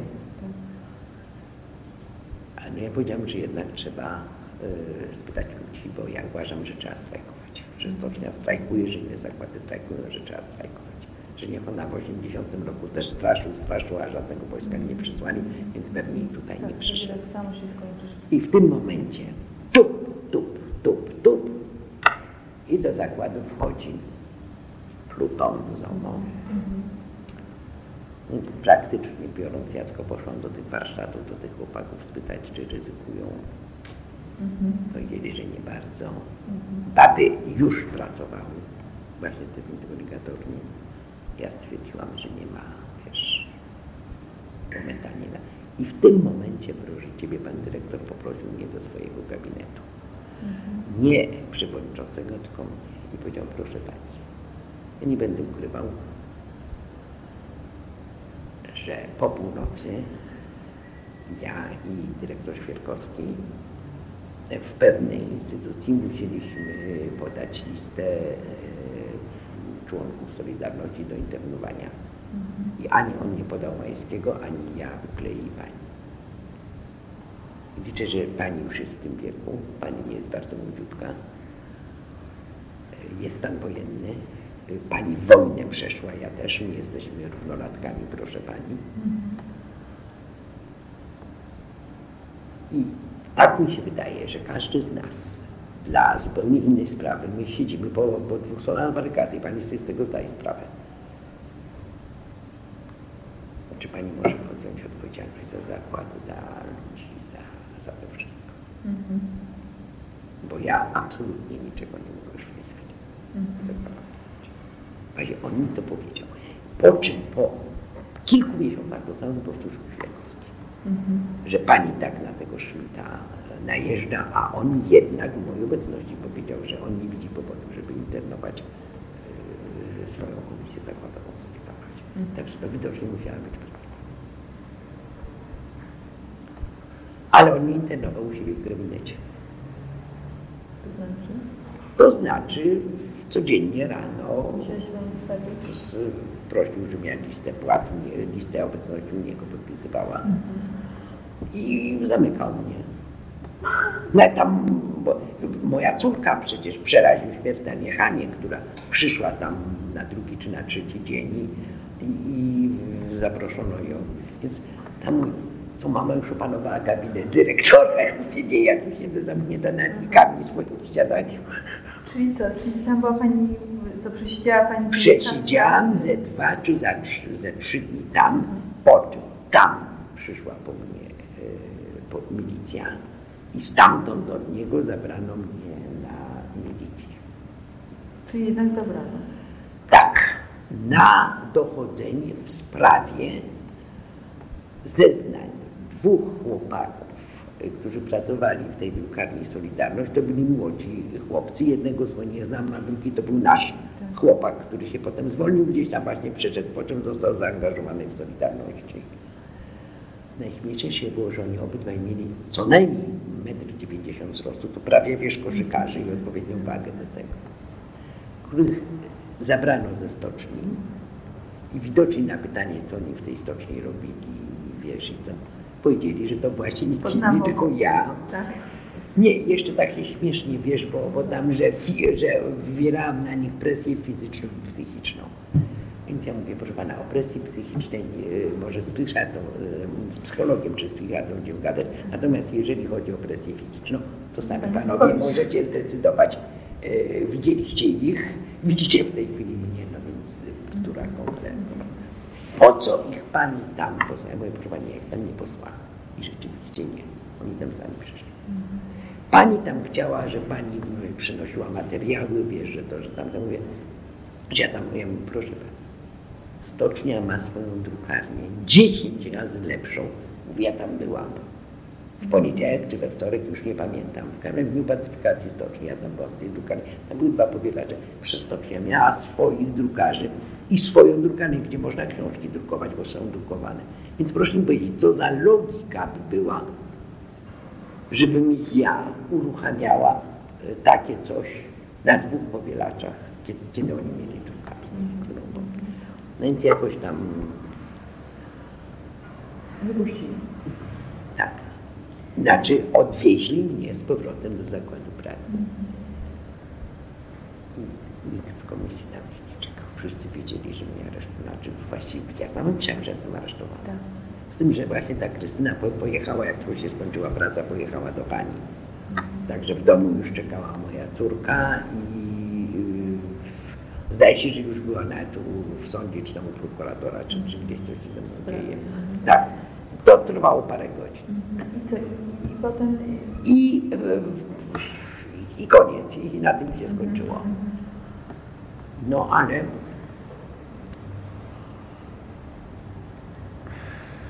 jacyś studenci zgłosili się do mnie, żeby im coś, znaczy jakiś wałek. Ten wałek u mnie tam, wiesz, ale na, na portierku stała, nie tylko siedziała portierka, ale i taki milicja bo ta okupacja tej milicji trwała pierwsze kilka dni, nie pamiętam dokładnie ile. Z tym, że oni się nie plątali, oni siedzieli właśnie na portierni i, i patrzyli. Tak, ewentualnie odstraszali. No i trzymali naokoło, prawda, tam sobie chodzili. Psychologicznie. Tak. Więc nie bardzo miał kto ten bałek wynieść poza mną. A to jest ciężkie. Nie autentycznie wyjścia tu proszę, ja go wynosiłam. Że nie mogłam tego wiesz tak mieć. Nie autentycznie tam za rogiem już wiesz, czekali koledzy, którzy go wzięli. Nie autentycznie, później wypadł dysk. Naprawdę. A to tutaj? Na Tak. Przywiązane było, czy? Nie, to właśnie w jednym ręku niosłam. Aha, w ręku, tak? W ręku, dlatego Myślałam, ten dysk, nie, ten dysk Schowany. wypadł. I proszę Ciebie, No tak, tak. naprawdę, no to jest straszny ból. I moja, bardzo przyzwoita moja lekarka zakładowa dała mi zwolnienie, ja byłam na zwolnieniu lekarskim. A Wyobraź sobie. Aha, a przedtem jeszcze jakoś właśnie y, ja tam często bywałam, bardzo często siedziałam tam w tej ich kawiarni, gadałam sobie to z tym, to z tamtym. I w pewnym momencie, proszę Ciebie, taki chłopak, duży, pyzaty, 20-letni czy 22-letni, tam się mocno kręcił, gdy zaglądam przez widzę znajomą właśnie gębę tego chłopaka. Aha, jeszcze przedtem miałem chyba dwa czy trzy razy wytknięte wezwanie na, na, na milicję, ale to było wytknięte, wiesz, w drzwi albo w, e, w ten, no pocztowe taki ten, więc, więc ja go, więc ja to wyrzucałam. No i ja mu otworzyłam. I on mi wręczył, okazał, że od razu się przedstawia. Zobaczył moją minę, bo ja z taką radością, wiesz, więc się chyba zorientował, że ja go biorę za swojego innego. Proszę Pani, ja jestem pracownikiem mm, Służby Bezpieczeństwa, ja Pani. Pani i wezwanie i muszę niestety Panią tam dostarczyć. Ja mówię, Pani nie może dostarczyć, ja jestem chora. E, Ja mam samochód. Ja Panią naprawdę muszę dostarczyć. Proszę nie stwarzać problemów, bo no tak czy inaczej ja Panią tam muszę dostarczyć. No myślę sobie, no przecież nie będę z nimi piła prędzej czy później i tak mnie dorwą. Więc y, muszę się zorientować, czego oni ode mnie chcą. Czy to jeszcze w sprawie tamtych dwóch chłopaków, czy zupełnie o co innego chodzi. To był początek y, stycznia. Jeszcze myśmy nie byli tak, wiesz, zorientowani bardzo. No więc się ubrałam, udawałam okropnie chorą, no ale przezornie mm, załadowałam sobie, on patrzył jak ja się pakuję, załadowałam sobie bieliznę, wiesz, tam zmianę, wziąłem szczotkę do zębów. Mówi, czy my się zatrzymamy po drodze, bo ja muszę kupić papierosy. On mówi, proszę my mamy kantynę i tam pani prędzej kupi. Mówię, no ale może mi do tej kantyny i później. Ja naprawdę pani kupię w kantynie te papierosy. Także Także ten zapas, który miałem w domu, to na wszelki wypadek wziąłem tych papierosów. I on się tak trochę uśmiechał, mówi, to naprawdę niepotrzebne, to naprawdę niepotrzebne. Ja mówię, no wie pan, już ja swoje wiem, jeżeli nagle pan się okazał, człowiek, którego ja spotykam w Solidarności, który chciał jeszcze się do Zygmunta wkręcić. I to przeze mnie, żebym ja tam pana. No wie pani, czasami trzeba szukać. No,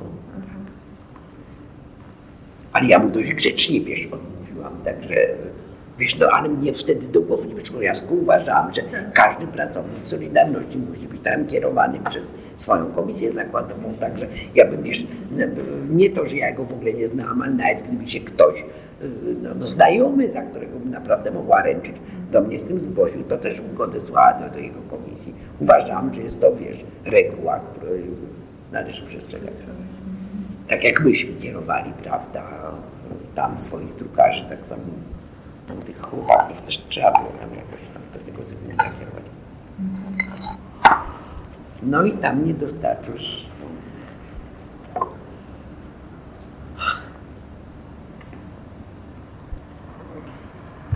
On się urodził. Ja zostałam w pokoju z pojedynczym panem. Siedziałam do niego dość daleko, on siedział przy biurku. Nie wiem, czy miał magnetofon, czy nie. Mam wrażenie, że miał włączony. I chodziło o lojalkę. I jeszcze kazał mi o sobie sam pisać. Więc ja powiedziałam, że Brona, ja w tym pokoju nie napiszę nawet swojego imienia i nazwiska. Niczego. Jak on mi powiedział, no to proszę pani, pani bierze albo pani podpisuje, albo pani nie wychodzi. Ja mówię, Ojca i Syna i Ducha Świętego przeżegnałem się dosłownie przy nim głośno. Mówię, nie. Pani jak przed złym duchem. Ja mówię, właśnie. Ja mówię, czy pan sobie zdaje sprawę z mojego stanu zdrowia? Czy pan sobie zdaje sprawę, że ja co prawda zbowidowcem nie jestem, ale jestem kombatantem i wy ze mną będziecie mieli w więzieniu bardzo dużo kłopotów. Ja autentycznie mam tą dyskopatię.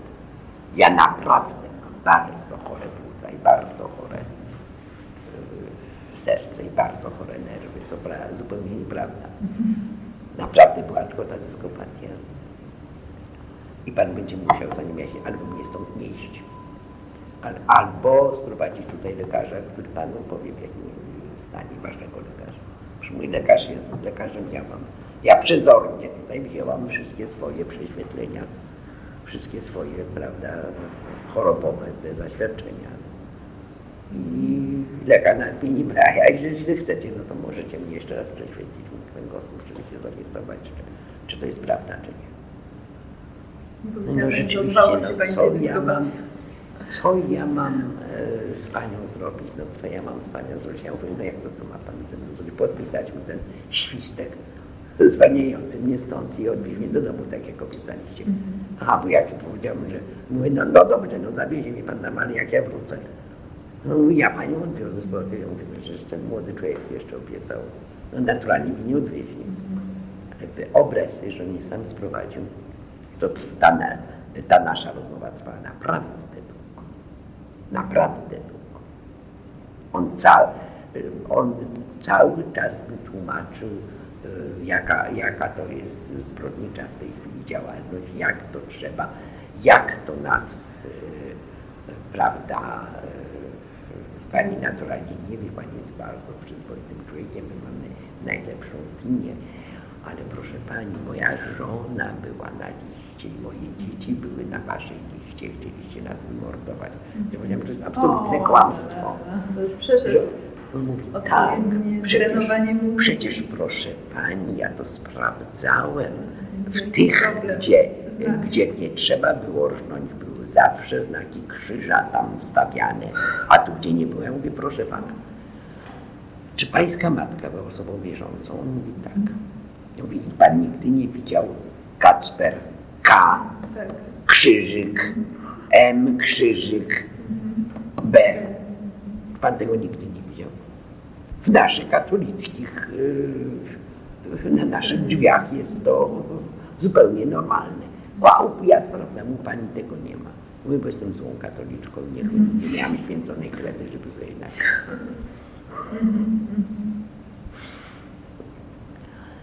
No i więc wiesz, tego typu, tego typu chciał mnie, chciał mnie absolutnie przekonać, tak. Chciał mnie przekonać, no ale no, no w końcu właśnie wyszłam. No, naturalnie mnie odwieźli, więc jakoś się tam do tego domu z powrotem do, dopchałam.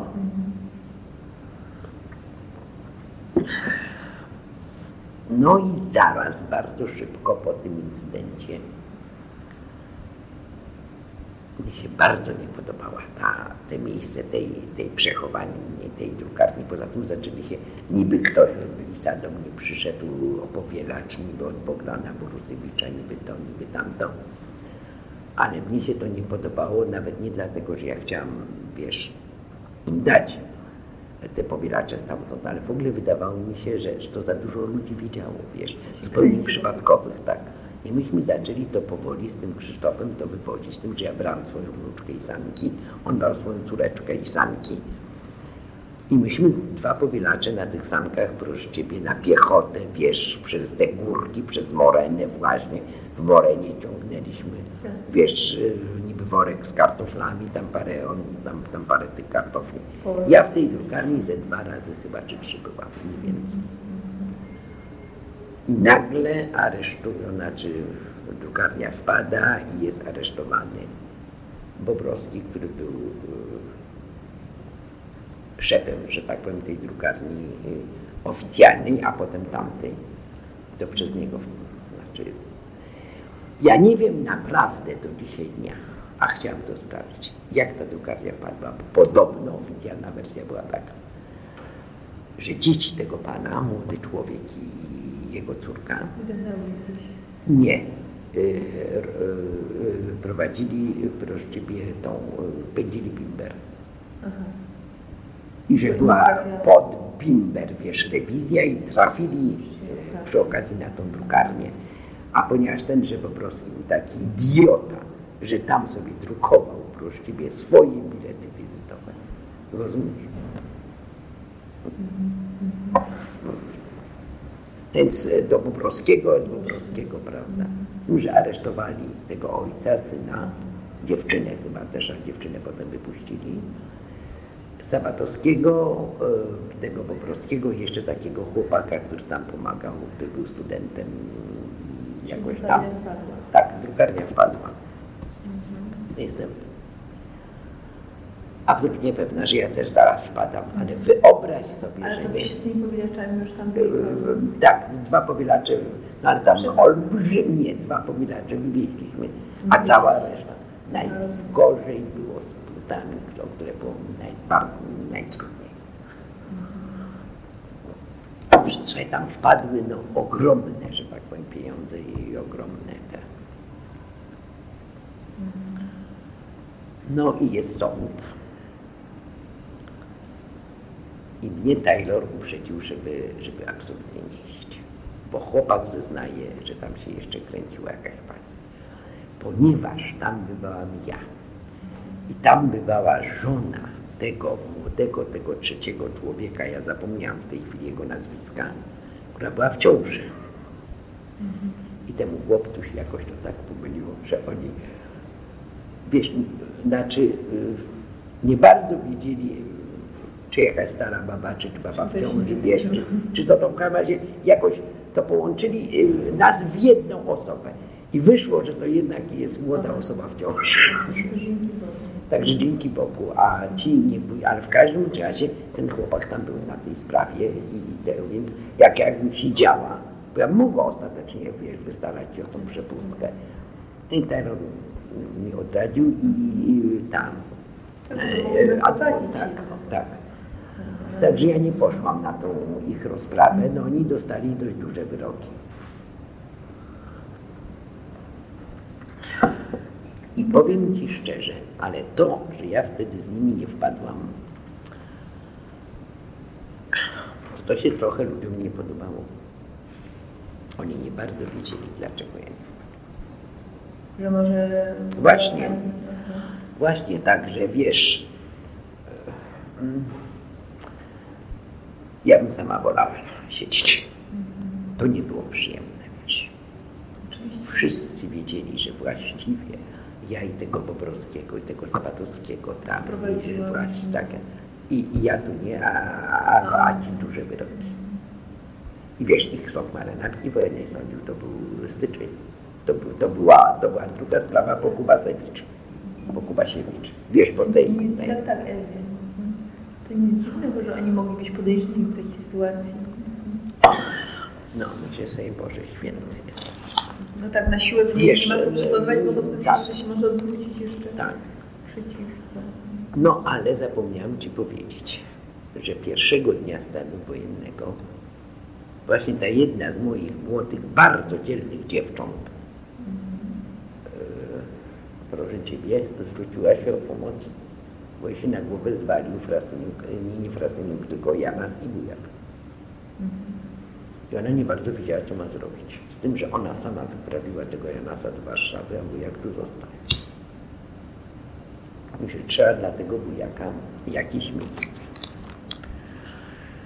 No i myśmy tego bujaka odebrały ze szpitala y, wojewódzkiego. Ja go zaprowadziłam na tą melinę, którą przygotowałam do swoich znajomych. To jeszcze, to, to, to było dosłownie chyba 16. Więc się go, czy nawet przed 16 go się odebrało. No i siedział tam sobie bujak świetnie. Ja bujaka bardzo mało znałam, tyle że wiesz, po prostu Warszawą niewiele miałam wspólnego, no ale je tak, to było przed 16. to było może 15, może 14, już, już dokładnie nie wiem kiedy, nie. W każdym razie jeszcze trwały jakieś utarczki. Bo ta Basia wplątała się właśnie ta, ta Basia, którą pojadałam tą melinę, proszę Ciebie, i uważam, że, że, że mocno mi mogą inwigilować, więc ja się tam nie będę plątać, natomiast ona się tam będzie plątać. I ona miała być łączeczką wuja. Ta Basia się wplątała w jakąś burtę właśnie przed dworcem głównym. Podobno ciskała kamieniami, ale ona się do tego nie przyznaje, natomiast rzeczywiście gwizdała ona doskonale, jak mężczyzna gwizda na palcach. I ją prościej zwinęli do budy i powieźli. I ja w zakładzie pracy się zorientowałem, znaczy dowiedziałam się, bo nie zawiadomili zakład pracy, że ona siedzi. Nigdy tej drogi nie zapomnę. Ja wieczorem tego bujaka przez zaspę, bo y, to jedna z tych uliczek bocznych za, za Kościuszki. Wiesz, są te domki takie, takie te uliczki, małe, takie małe uliczki. I z tamtego właśnie domku. Ja go prowadziłam przez zaspę do domu, na przymorze do, do, do swoich dzieci, bo nie miałam, wiesz, co z nim zrobić. Który to był? 18 może, 17-18 grudzień. Zaraz, sam początek. Ta drukarnia też w tym czasie spadła? Nie, drukarnia już dużo później, tak, w miesiąc później. Miesiąc czy półtora później. Nie, nie, to jeszcze nic, jeszcze mnie, to, to, to były same początki, oprócz tego, że siedziałam w gabinecie dyrektora zamiast pracować, Tak, to, tak. to, to nic mnie jeszcze złego, wiesz, nie, nie spotykało osobiście. Nic. No i te, tak. Poszliśmy na te przymorze proszę, przez tą zaspę. On był dosłownie proszę, w takich półbutach, a śnieg wtedy gruby był. Ciemno, ja jestem krótkowic proszę, po ciemku bardzo źle widzę. Także nie bardzo, wiesz, te wertepy wszyscy już tam wpadali, no w końcu jakoś przez te działki, tylko się tam przeprowadziło. No mieściliśmy go u, w takim mieszkaniu, którym się opiekował mój zięć, bo jego kolega wyjechał na placówkę dyplomatyczną, wiesz, czy tam naukową, przepraszam, gdzieś tam wyjechał i było to mieszkanie i tam się tego Zbyszka umieścił na ulicę do Warszawy. Ja szukam tu kontaktu, on koniecznie chciał kontakt z Lisem. No ja, ja chciałem z Bogdanem Borysewiczem, proszę Ciebie. No bardzo trudno jest w tych pierwszych dniach było kontakt. Ja zupełnie nie wiedziałam, jak ja go mam, mówiąc szczerze, do tej Warszawy, wiesz, prze- przetransportować. Ale moja córka, która się nim opiekowała, poszła z nim do swojego kościoła na Przymorze. Jak się nazywa ten ksiądz od Wałęsy? Tak, do, właśnie do cebuli. Właśnie do cebuli. I Zbyszek pokazał jemu swój dowód. Mhm. A Hanka powiedziała, że że trzeba mu jakiś jak Cebula mu dał No, i cebula mu dał e, kolejarza. Wykombinował mu. Bo tam jest już paserstwo kolejarskie. W tym kościele, wiesz, na Przymorzu. Dziwię, że on tak zareagował. Ale bardzo przyzwoicie się zachował. No ja miałam z tego czasu bardzo zły On dał mu kolejarza. o pomoc. Dał mu, dał mu prościej kolejarza. Ten kolejarz mu dał kolejarskie ubranie. I razem z Hanią wsadzili go, proszę Ciebie, w Oliwie do pociągu, bez żadnego, bo tu trzeba zezwolenie, ale bez zezwolenia, ale z biletem. Kupiło się mu bilet. I Hania z nim miała z tej Oliwy dojechać do, proszę Ciebie, do tej, do Gdańska. Ten kolejarz został, Mhm. czy tam wsiadł też. Razie Zbyszek się momentalnie, także, znaczy nie pożegnał z Hanią, moją córką. Wreszcie gdzieś się momentalnie rozpłynął i świetnie dojechał. Potem ja jechałam e, na Sylwestra do, do, do Warszawy, z tym, że już za zezwoleniem oficjalnie bardzo nie przyjechałam. bo Wyobraź sobie, że była sama w wagonie, Ojej. sama w wagonie. Tak. Bardzo się nieprzyjemnie jechało bo miałam kontakt, że tak powiem, z nim był na księdza e, w Podkowie Leśnej, w tej, tak. a ja miałam siostrę starszą w Brwinowie Więc ja zajechałam do Danusi, poszłam sobie tam do tego księdza. Y, chyba właśnie buty, tam, bo trochę mu te ubrania, to tam cała paczka była jego, tak. Więc tam tą paczkę dostałem, ksiądz bardzo ze mną, właściwie niczego nie wiedział. Naprawdę niczego. Konspiracyjnie. Tak, i bardzo jakoś na mnie tak, wiesz, też patrzył. Z tym, z tym że tą paczkę przyjął, bo ta paczka to była dla żony, Tak. jaka, bo ona mieszkała też w Podkowie czy w Milanówku, nie wiem, w każdym razie jakoś to była ich parafia.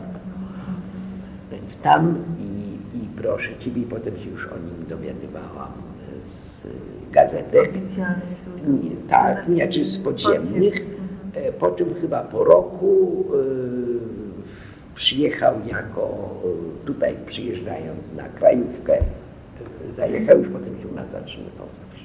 Na przykład się u nas zatrzymywał, jak przyjeżdżał. Także, prze, prze, ale przez rok nie bardzo wiedziała, co się Pani tam powie, dzieje. potem Pani pracowała jeszcze w tych... e, Cały czas w zakładach graficznych ja pracuję. Czyli tam potem już się nie działo, oni się czegoś specjalnie nie, nie, nie, nie przyczepiali dyrekcja. Owszem, owszem, owszem, nie, po czym e, Czy właśnie ci młodzi, ci młodzi ludzie zaczęli w też to wszystko były pierwsze powiedzmy tygodnie stanu wojennego.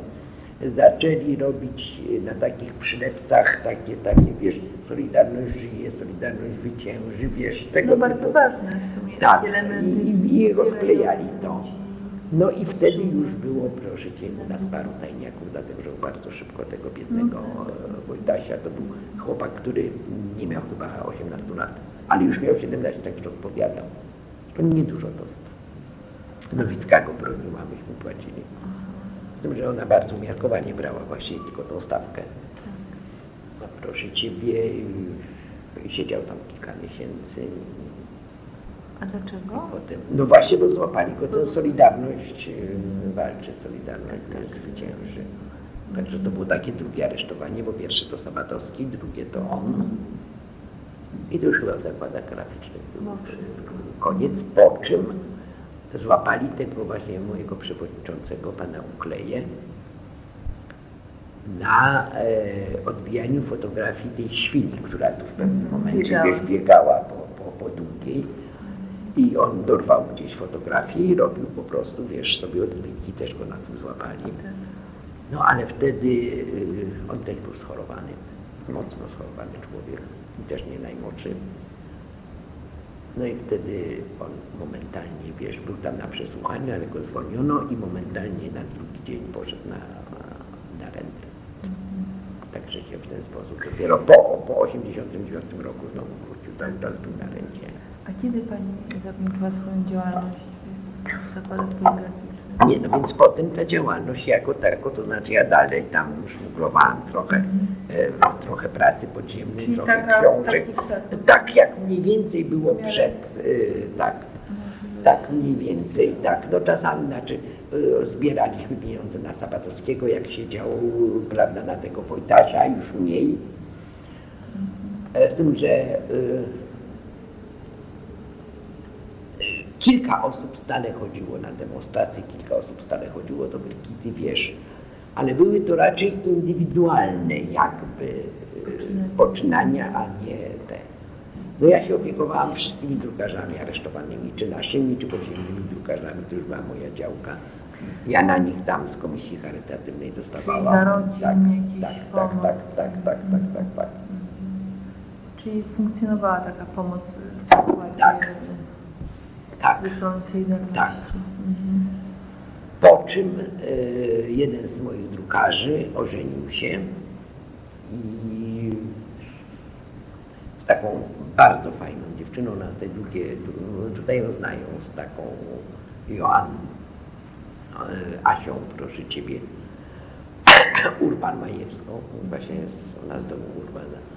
E, Bardzo dzielna dziewczyna, ona siedziała w Bydgoszczy, wiesz, i tu i tam, no i też nie bardzo mieli gdzie mieszkać, nie bardzo rodzina chciała meldować, no więc nie byli zameldowani u mnie mieszkali.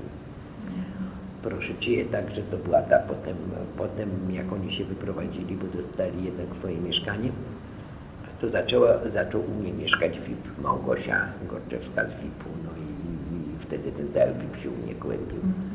Z tym, że było Nie bała się Pani kilk, nie, kilkanaście. Pomagacie. kilkanaście rewizji było w domu. I mówię nawet pod takim głupim pozorem, procie to, że poszukują procie gwałciciela. Z No. tym, że wiesz, y, poszukują gwałciciela i po półce, więc ja mówię, przepraszam, czy gwałciciel krasnoludek? Dlaczego? Mówię, bo kogoś ja mogę schować między książkami. Wiesz, a w domu stare meble, wiesz, ogromne szafy, tak. ogromne tapczany, gdzie rzeczywiście i karabin maszynowy można było było. człowieka wyrocznie schować. Nawet tam nie zajrzeli, wiesz, czy ko- Brakuje czy tak. po półkach, tak. Tak, tak, tak, tak, czy jakieś książki, tak. Mhm, mhm. A proszę mi w takim razie jeszcze powiedzieć już tak na zakończenie, Pani w tej chwili czym się zajmuje? Znaczy, czy Pani gdzieś, e, no już Pani nie pracuje? Należy do swojej Solidarności, do swojej zakładowej Solidarności. Raz na miesiąc tam bywam, żeby zapłacić składki te emeryckie i Tak, tam tak. się dowiedzieć co i Tak. jak. Mhm. I od czasu do czasu tutaj sobie jest przychodzę tak. na, na pogawędki, No. a naprawdę zajmuję się e, karmieniem e, bezpańskich kotów i ptaków. Mhm. No to wspaniale.